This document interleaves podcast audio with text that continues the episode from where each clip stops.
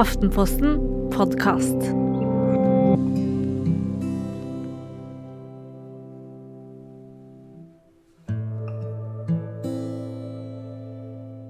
Hei og velkommen til en ny episode av Foreldrekoden. I dag tidlig, Hedvig Montgomery, så hadde vi to incidenter hjemme hos meg.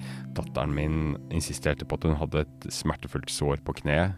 Hun fikk plaster. Like etterpå insisterte hun på at hun hadde veldig, veldig vondt i tåa, og jeg visste at det var ikke sant. Så jeg viste henne ikke den omsorgen som jeg kanskje etterpå følte at jeg burde. Eh, Var det feil av meg? Nei, vet du hva, nå er du inne på et felt som bare er så interessant. Fordi barn ber om mer enn det de trenger. Ja. De ber om mer iskrem, de ber om mer nattahistorier, de ber om mer, mer rim og regler, og de ber også om mer trøst for eh, fysiske ting enn det de faktisk har. Og så kan man si at det å skjønne at ok, nå vil du bare ha litt oppmerksomhet, du trenger bare at jeg sier ja, vet du hva, det går fint, det ordner seg, den tåa fikser seg. Og så komme i gang med dagen. Og når du trenger, og du tenker å, tåa, kanskje den skulle ha vært på legevakta for røntgen. Altså det er, det er et stort spenn her. Mm. Men når du lærer barnet å både kjenne etter i kroppen sin om det trengs eller om det ikke trengs, gir oppmerksomhet for det som trenger oppmerksomhet, men også lære barnet litt med hva trenger man ikke å ta så 100 høytidelig, hva kan man leve godt med? Så lærer du barnet til noen ting som eh, er eh, å ta vare på seg selv, kjenne seg selv, reagere i forhold til det som er riktig. Så den langsiktige tingen du gjør som forelder, er jo å lære barnet å håndtere egen kropp. Og så er det massevis av trøst og blåsing og sånne ting som, som går igjennom dette her. Men hvis du hver eneste gang tenker 'å, det gjør vondt', nei, da må du være hjemme, Mm. så får du jo et barn som ikke lærer seg å være ute. Mm. Så det er jo ikke der balansen ligger. Men fy fader, dette er ikke lett, nettopp fordi at sånne som meg har vært ute og sagt så mye at vi skal ta barns følelser på alvor. Så har vi jo nesten gjort en hel generasjon foreldre litt dårligere til å lære barna å lese sin egen kropp og sine egne signaler. Så jeg trengte ikke ha dårlig samvittighet for den uh, morgenglippen. Du trenger ikke engang å tenke på det som en glipp. Kanskje var det til og med morgengull. Men hvordan skal man da vite når barn faktisk uh, har vondt, da, eller at det er et eller annet som plager dem? Uh, om det er noe liksom, en liten ting, en lokalt sted, eller om det er et symptom på en helt, noe helt annet. Altså, må jeg bare si at det kan jo være så mange grunner til at et barn sier skikkelig vondt i magen. Det kan være fordi hun ikke vil på skolen. Det kan være fordi hun har spist noen ting hun ikke burde spise. Det kan være fordi hun har fått altfor lite oppmerksomhet fra deg i det siste, og trenger denne lille eksklusive oppmerksomhetsstunden. Det kan være at eh, hun bare er litt sliten Mm. og ikke helt er klar for å gå i gang med dagen. Altså Mulighetene for hva det er for ting, er så stort. Det første du bare skal vite, det er at det vet ikke du ennå, Nei. når barnet går i gang. Mm. Og så vil jeg si at før du gjør noe annet, så bør din første modus være å si åh, så dumt. Altså rett og slett koble på og sjekke ut lite grann. Mm. Eh, sånn at den første reaksjonen din skal ikke være 'nei, nå tuller du', eller 'det kan ikke være noe med magen nå igjen'. Eh, fordi da går du glipp av å finne ut hva dette handler om. Selv om du vet at dette kanskje er tilfellet. Og, og når du vet at her er vi faktisk ute etter noen som trenger to minutter ekstra, så kan det til og med være finere å si vet du hva, av og til så gjør det litt vondt, og jeg skulle ønske at vi hadde lang tid på å finne ut av dette her nå, men vi må gå. Mm. Og vi får se på det senere. Altså Du må rett og slett finne en måte å liste deg forbi det, som barnet kan være med på, og som ikke gjør at barnet føler seg dumt eller feil.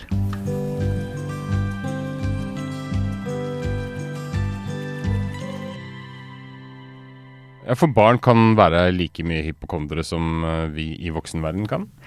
Ja, Det høres kanskje rart ut, men eh, det er klart de kan det, og de kan være det enda mer.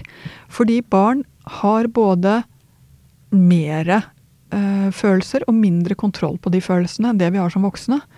Så det er helt klart at den der er det noe ordentlig galt med meg, dette går aldri bra-følelsen, kan være enda sterkere hos en åtteåring enn hos en 80-åring. Mm. Og i hvert fall minst like sterk.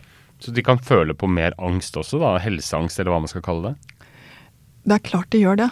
Uh, og i det siste så, så, må jeg si at det ser jeg jo, at det er flere barn som er blitt redde for bakterier, redde for virus, redde for å smitte andre. Altså, vi har jo fått en oppmerksomhet rundt dette her som gjør at enda flere barn enn tidligere går rundt og har fått den smitteangsten og bakterieangsten. I en spalte i A-magasinet så skriver de om et sånt eksempel, for det er en elleveårig jente som har gått fra å være livsglad og en som elsker naturen og og holder på å sprelle rundt, til å være en som går rundt og verger seg, beskytter seg med antibac og munnbind og vasker og gnukker. Og hva slags mekanismer er det egentlig som har vært i spill her?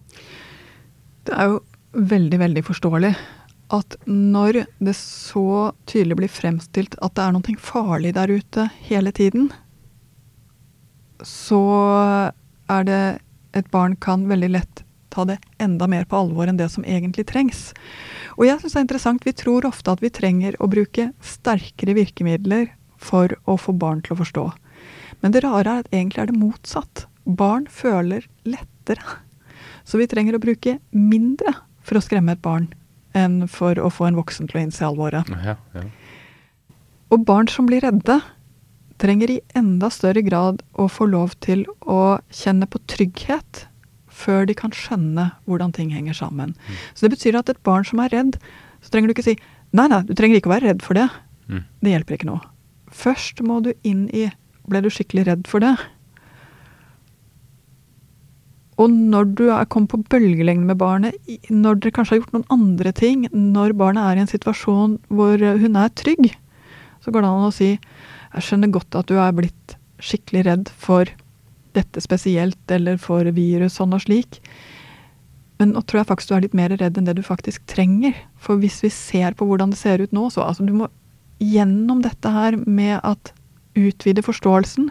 Men du må gjøre det ikke når du er irritert over at barnet er unødig redd. Du må gjøre det når barnet er trygt. Men hva skal man da si når barnet er unødig redd? Ingenting? Egentlig ikke gjøre så mye ut av det. Mm. Minst mulig. Mm. Uh, og de der situasjonene hvor det er så pressa på 'jeg er redd, jeg har det dårlig', så er det du kan møte, er vet du hva, jeg skjønner at du er redd. Og du trenger ikke å være så redd som det du er kanskje akkurat nå, men det kan vi snakke om siden. Mm.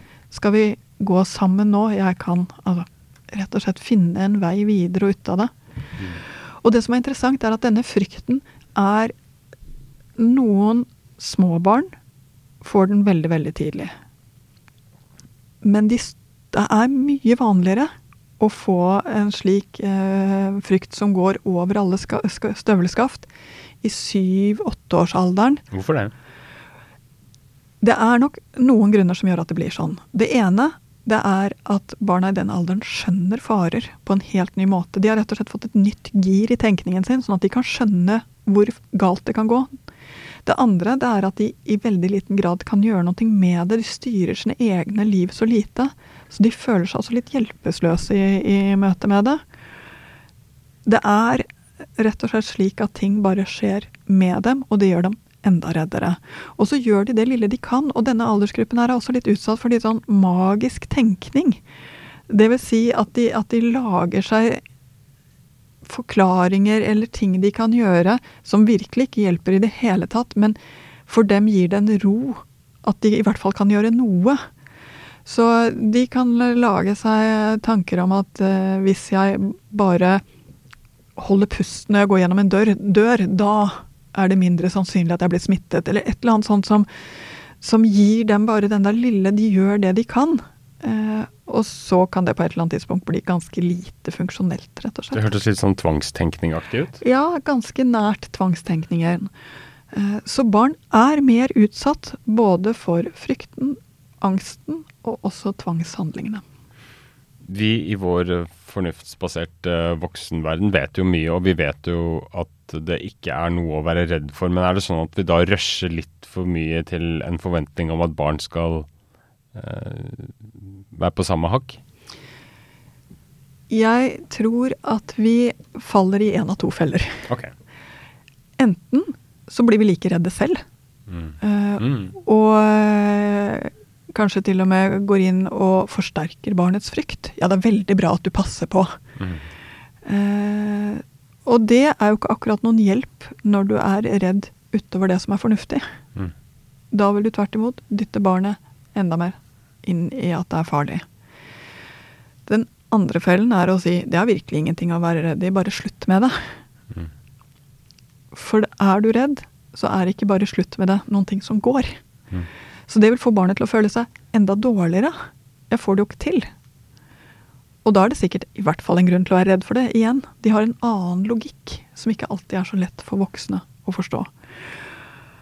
Så det å møte denne barnefrykten for, for sykdom og død krever noe litt annet. Du må på en måte forstå at barns tanker om sykdom og død er helt nye. Bare noe sånt som at de nå skjønner at livet er skjørt, er ganske overveldende og stort. Mm. Det å skjønne at barns evne til å drive med sannsynlighetsberegning er enda dårligere mm.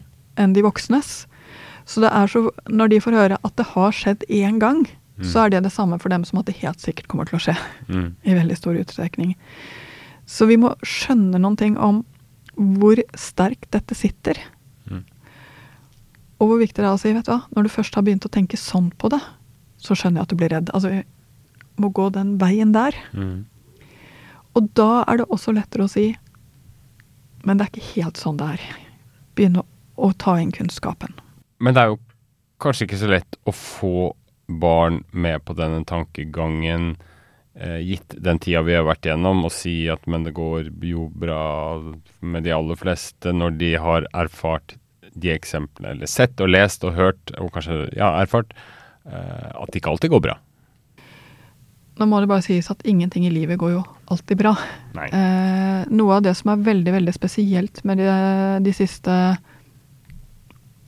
snart to årene, i hvert fall halvannet, eh, er at vi har tatt én risiko og bare sett på den. Sannheten er jo at folk dør, skades, eh, blir syke av veldig mye forskjellig. Og det er veldig, veldig mye forskjellig som kan skje. Men denne ene tingen er vi blitt veldig opptatt av. Og virusspredning er, er det vi har eh, fokusert mye på. Det som er interessant, er at barn leser jo også eh, nyheter. De ser eh, reels-videoer og TikTok-videoer, de ser NRK Super. De får mye input, de også. Og mange av dem er blitt så mye mer redde enn det det egentlig er grunn for med denne ene sykdommen. Og for mange av dem har det også satt seg litt fast. Den der opplevelsen av at det er skittent, at man ikke kan ta på, at man ikke kan Mm. komme nær. I en alder hvor det å komme nær er kjempeviktig. Mm. Hvor det å skitne seg til faktisk er viktig for livsgleden og livsutfoldelsen. Så har de fått veldig, veldig små liv. Og det er jo fordi vi er blitt, har vært nødt til å håndtere dette viruset, at det er blitt smått for dem. Nå tror jeg vi vet så mye mer om viruset. Vi vet så mye mer om hvordan vi skal håndtere det. Og vi vet også mer om barn og sykeligheten, som gjør at vi egentlig skal lage livet større for dem igjen.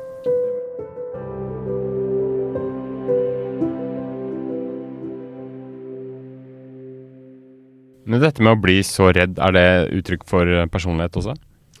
Det er klart det er det. eh, noen er mer lettrigga på å bli redde. Noen er mer forsiktige og tar lettere til seg budskapet om at det er viktig å være forsiktig, mens andre er mer uværende. Mm. Det er helt sant. Jeg tror det som er viktig å være klar over, det er at det betyr faktisk ikke så mye om et barn låser seg fast i en frykt i denne alderen her. Det betyr ikke så mye om hvordan det kommer til å gå med barnet fremover. Det betyr ikke så mye om andre ting i barnets liv. Men det det betyr noe for, det er her og nå. Det det betyr noe for, det er at barna går glipp av ting her og nå som de egentlig trenger. Aktiviteter, trygghet, det å ha det bra. Så vi må begynne å gjøre noe med det her og nå pga. det. Og det er det vi voksne som kan. Hvordan kan vi det?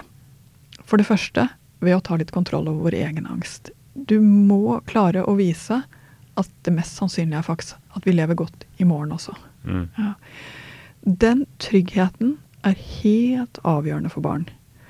Så for din egen Du må vise en slags Hvilket nivå er det fornuftig å legge seg på når det kommer til å være redd?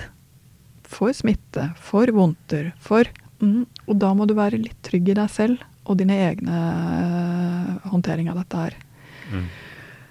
Det andre det er at barn, i hvert fall når vi kommer opp her i skolealder, men også tidligere, de kan lære seg litt om kroppen. Jo, man er syk. Det er sånn kroppen blir sterk. Den øver seg. Eh, det å bli syk er ikke farlig i seg selv. Forskjell på å være syk på en måte som er vanskelig å gå til lege, altså som tar mer tid, og det du bare trenger å være hjemme litt for. Altså, de trenger å lære seg noe immunforsvar, de trenger å lære seg litt om at det, det vi blir sjuke av, blir vi stort sett også friskere av. Mm. For den kunnskapen gjør det mindre endelig. Det som gjør at barn så lett kommer i en slags barnehypokonderstatus, det er at de tror at enhver sykdom er den siste de skal ha. Mm. Sannheten er at barn skal gjennom massevis av sykdommer. Mm. Og det går fint. Så det å lære seg litt om det, gjør det også tryggere. Og det lærer de seg ikke gjennom TikTok-videoer eller det de leser i eh, det de ser på media eller snapper opp fra voksne. Så det trenger de å lære noen ting om. Det tredje er at de trenger å gjøre andre ting. Rett og slett ting som får hodet over på noe annet. Mm. Og det er problemet, for det er ofte der de begynner å stoppe seg, når de blir redde. For sikkerhets skyld går de ikke på andre ting, for sikkerhets skyld går de ikke på besøk. Det er der vi trenger å hjelpe dem i gang. Ok, Så det som tilsynelatende så ut som en, en angst eller en redsel for én eh, konkret ting, kan fort forplante seg over i noe annet? Det er det det kan. Ha. Eh, ja, hvordan skal man liksom stoppe den eh, snøballen der? Den snøballen stoppes ved at du faktisk ser at den er i gang, og sier hei, vet du hva, jeg blir med deg på den treningen. Eller du, vi går ut på kafé sammen. Eh, ja, men er det trygt da? Ja, det er trygt. Du må rett og slett vise både med å være med, og også med ditt eget eksempel. Det går fint.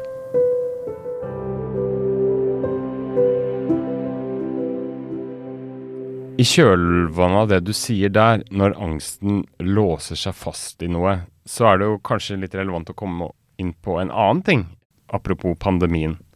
Og det er jo dette med at vi vet jo at spiseforstyrrelsene har økt, at, at psykiske plagene uh, har, har, økt. Det, det synes i hvert fall sånn, selv om litt ulike undersøkelser viser ulike ting. Hvorfor har vi kommet dit, egentlig? Jeg tror at hos dem som lett blir engstelige, så har de blitt mer engstelige. Hos dem som trenger kontroll øh, og søker det gjennom hva de spiser, så er det blitt mer uttalt gjennom all den frykten som har ligget i samfunnet. Jeg tror nok at vi har undervurdert litt hvor mye denne frykten vi alle har delt. Det er bare at den har vært større for barna, fordi barn lettere tar til seg frykt. Og særlig de som, eh, som har nesten litt sånn vet ikke hva jeg skal eh, si, men har, har den lett tilgjengelig, de, litt, eh, de, barna som er litt forsiktige, de har tatt dette budskapet veldig bokstavelig. Og det tror jeg er grunnen til at vi ser at det er spesielt i barnealderen at plagene har økt mm. mest. Jeg ser også at det gjelder i, i voksenverden, eh, men i større grad for barn. Og grunnen til det tror jeg igjen er at barn føler sterkere, blankere, skarpere enn voksne jevnt over. Og at de ikke kan kontrollere disse følelsene selv. Mm. Og i en tid hvor vi har sagt at det er riktig å være redd, så har vi jo heller ikke hjulpet dem med å si 'så redd trenger du ikke å være'. Mm. Så de har ikke fått noe hjelp til å bli trukket inn mot den der midten hvor det går an å leve og går an å utfolde seg. Tvert imot så har de fått det motsatte det sikreste er å bli hjemme. Det var de gode forklaringene, men hva er de konkrete rådene i, uh, til foreldre med barn som har låst seg fast i en sånn uh, tvinge? Ta kontroll over din egen frykt. Vi vet mye mer nå, og vi trenger å være mindre redde, også som voksne. Men er det så mange voksne som går rundt og er så redde nå, tror du? Barna trenger å se helt tydelig at dette går fint. Og hvis du da attpåtil sier ja, men ja, nå er jeg vaksinert, så vil en eh, tiåring fort tenke men det er ikke jeg. Uten å vite at det er ikke så viktig for tiåringene å være vaksinert. De blir ikke syke på samme måte.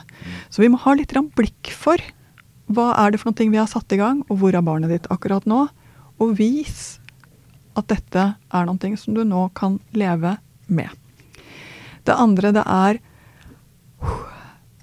Kanskje har vi ikke sett hva det er for noe som har spredd seg i dem av frykt. Nå er forklaringen til å pakke inn, forklare, lære dem å ta vare på seg selv og sin egen kropp. Det kan vi gjøre. Ut ifra hvor gammelt barnet er, ut ifra hva han eller hun er interessert i. Men les litt, snakk litt om det. Gjør det til et tema som går videre fra den frykten vi alle delte for et halvt år siden. Og det tredje det er ta tilbake hverdagen. Dette handler om å trekke livet i gang igjen.